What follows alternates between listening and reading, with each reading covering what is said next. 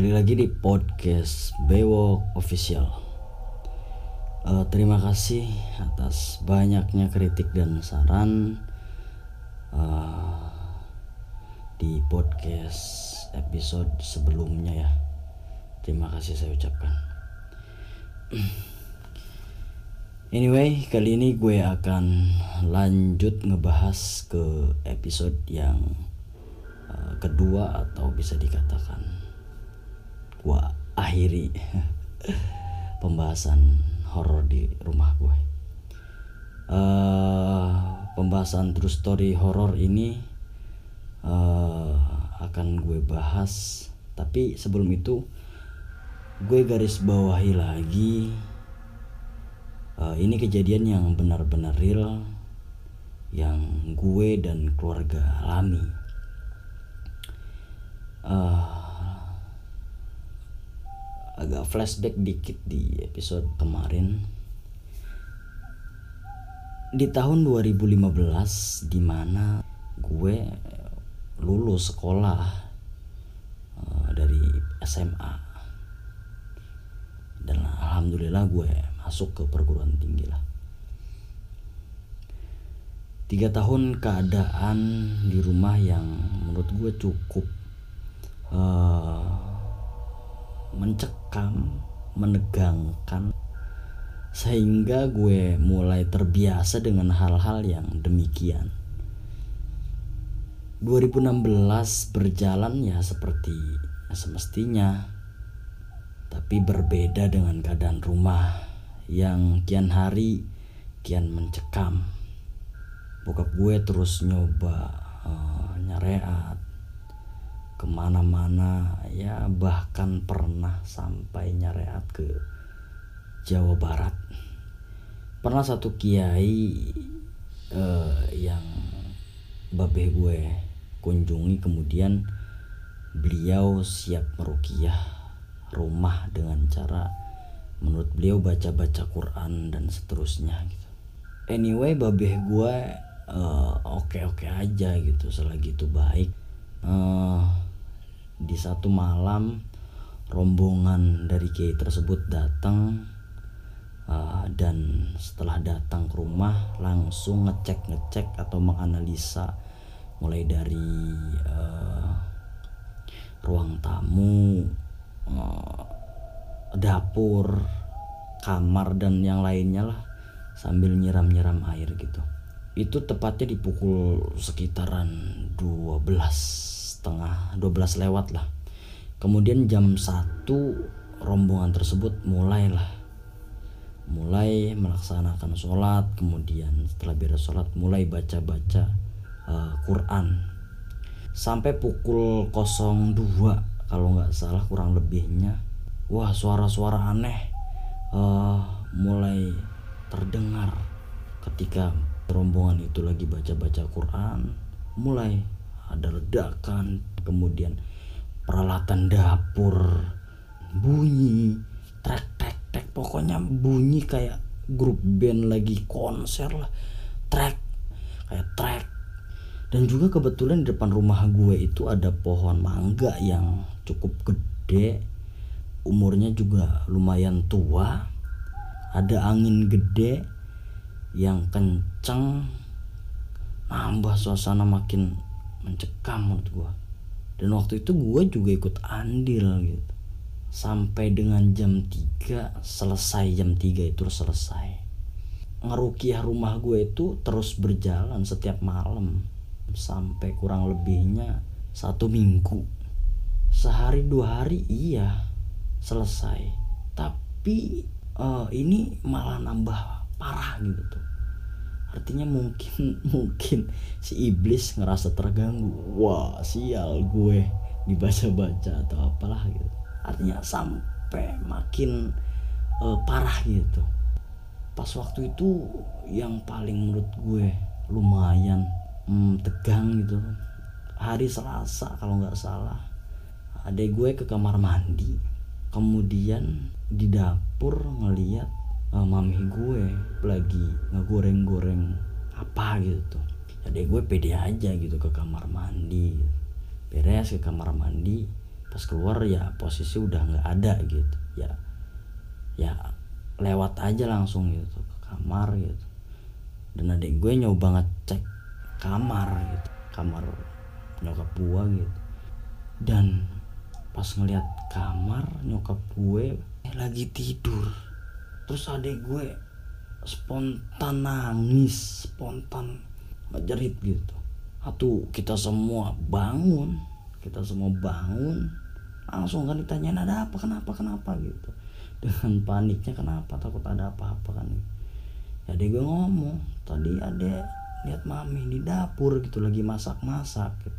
eh pas udah uh, beres ke kamar mandi dia lihat ke kamar uh, mami lagi tidur gitu ya kata mami gue ah paling gak ngigo itu mah ngigo gitu. Udah udah udah ngigo itu mah gitu. Ya deh gue tetap keke dong karena emang mungkin ngelihat gitu. Enggak mi gitu. Itu beneran ada lihat mami lagi ngegoreng-goreng gitu. Ya mami gue tetap coba nenangin gitu. Dan bokap juga ya ikut nenangin sambil dipegangin kepalanya dilus-lus sambil dibaca-baca ya ayat Al-Quran gitu supaya tenang. Selang berapa kemudian di dapur kayak ada asap-asap bau bau gosong gitu tuh. Ya gue spontan ngeliat dapur dong. Di dapur kompor nyala wajan gosong. Wah udah kayak kebakaran itu gila. Ya udah kita semua nenangin ya alhamdulillah udah selesai gitu ya hari-hari berikutnya seperti biasa kehilangan duit itu masih. Kehilangan di sini ada kiai yang ngomong bukan karena tanda kutip tuyul atau bukan gitu. Karena uh, dilihat dari kejadian dilihat dari uh, indikasi-indikasi yang terjadi di rumah gua tuh uh, nggak nggak menandakan bahwasanya ini ini tuyul gitu enggak. Kemudian di tahun-tahun kemarin gitu. Adek gue yang paling gede uh, sakit mam mami gue babe gue coba uh, apa ya merawat lah gitu.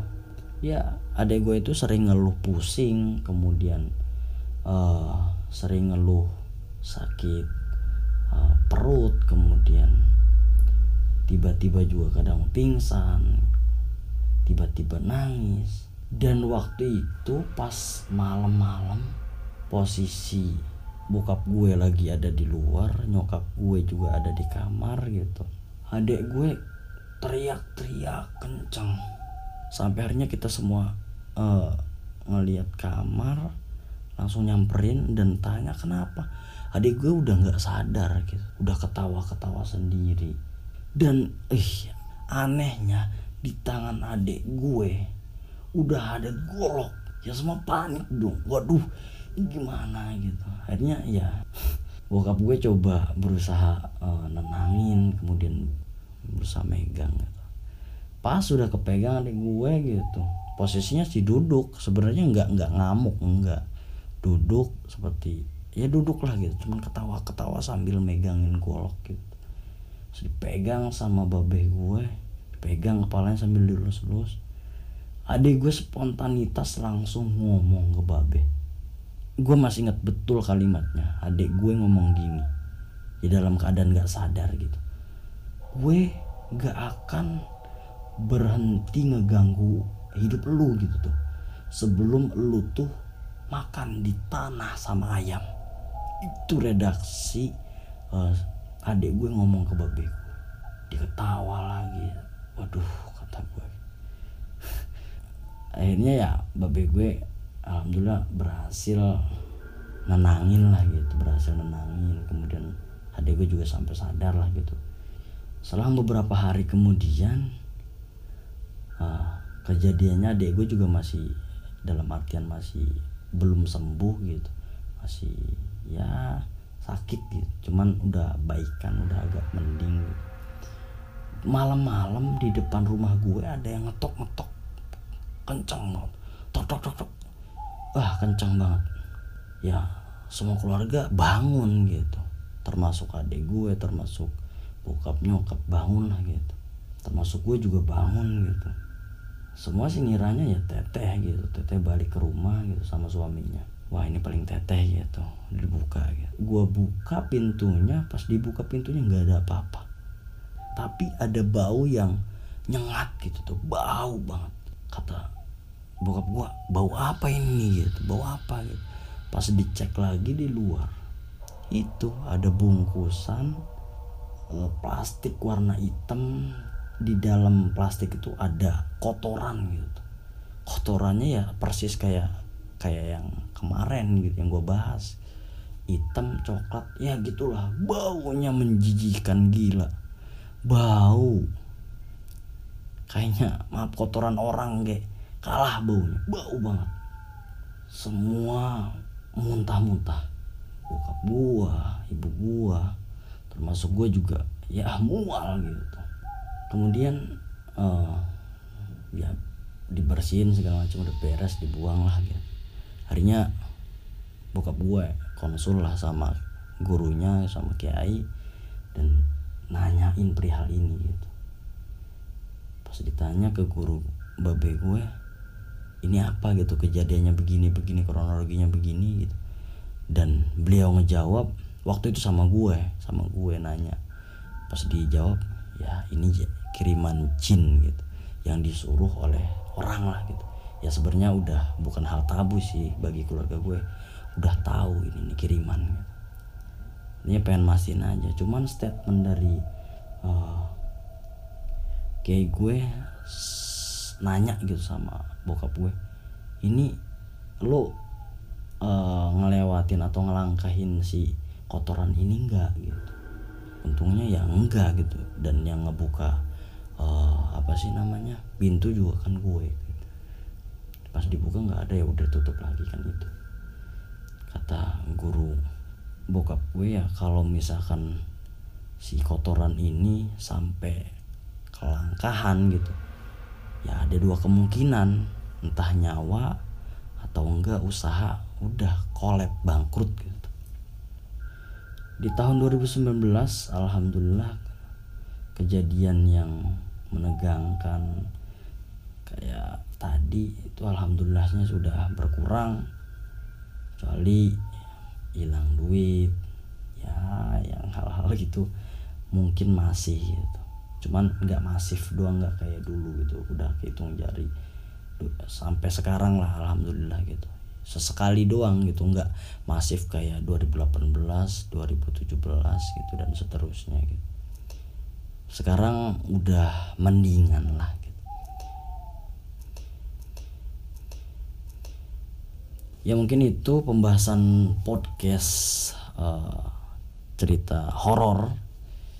Uh, ya banyak sekali kekurangan mohon maaf. Semoga bisa dijadikan mawas diri dijadikan referensi untuk kita tetap berhati-hati. Di grupan ini menurut gue nggak bakalan lurus-lurus aja nggak bakalan. Kita baik pasti ada aja yang nggak suka. Pasti meskipun kita baik. Pasti ada yang benci pasti ada yang dolim dan sebagainya. Tapi gue dan keluarga gue di kejadian-kejadian yang tadi dari 2012 sampai detik hari ini pun keluarga gue udah memaafkan siapa pun itu yang zolim siapa pun itu yang benci. Ya karena pada hakikatnya itu semua dari Tuhan. Saran gue teruslah berbuat baik sampai lu lupa sudah berapa kebaikan yang lu tanam gitu tuh. Sedih kecewa marah ya itu hal biasa dalam kehidupan. Yang terpenting adalah segera kontrol diri. Hidup ini jika disyukuri ya semua akan baik-baik aja.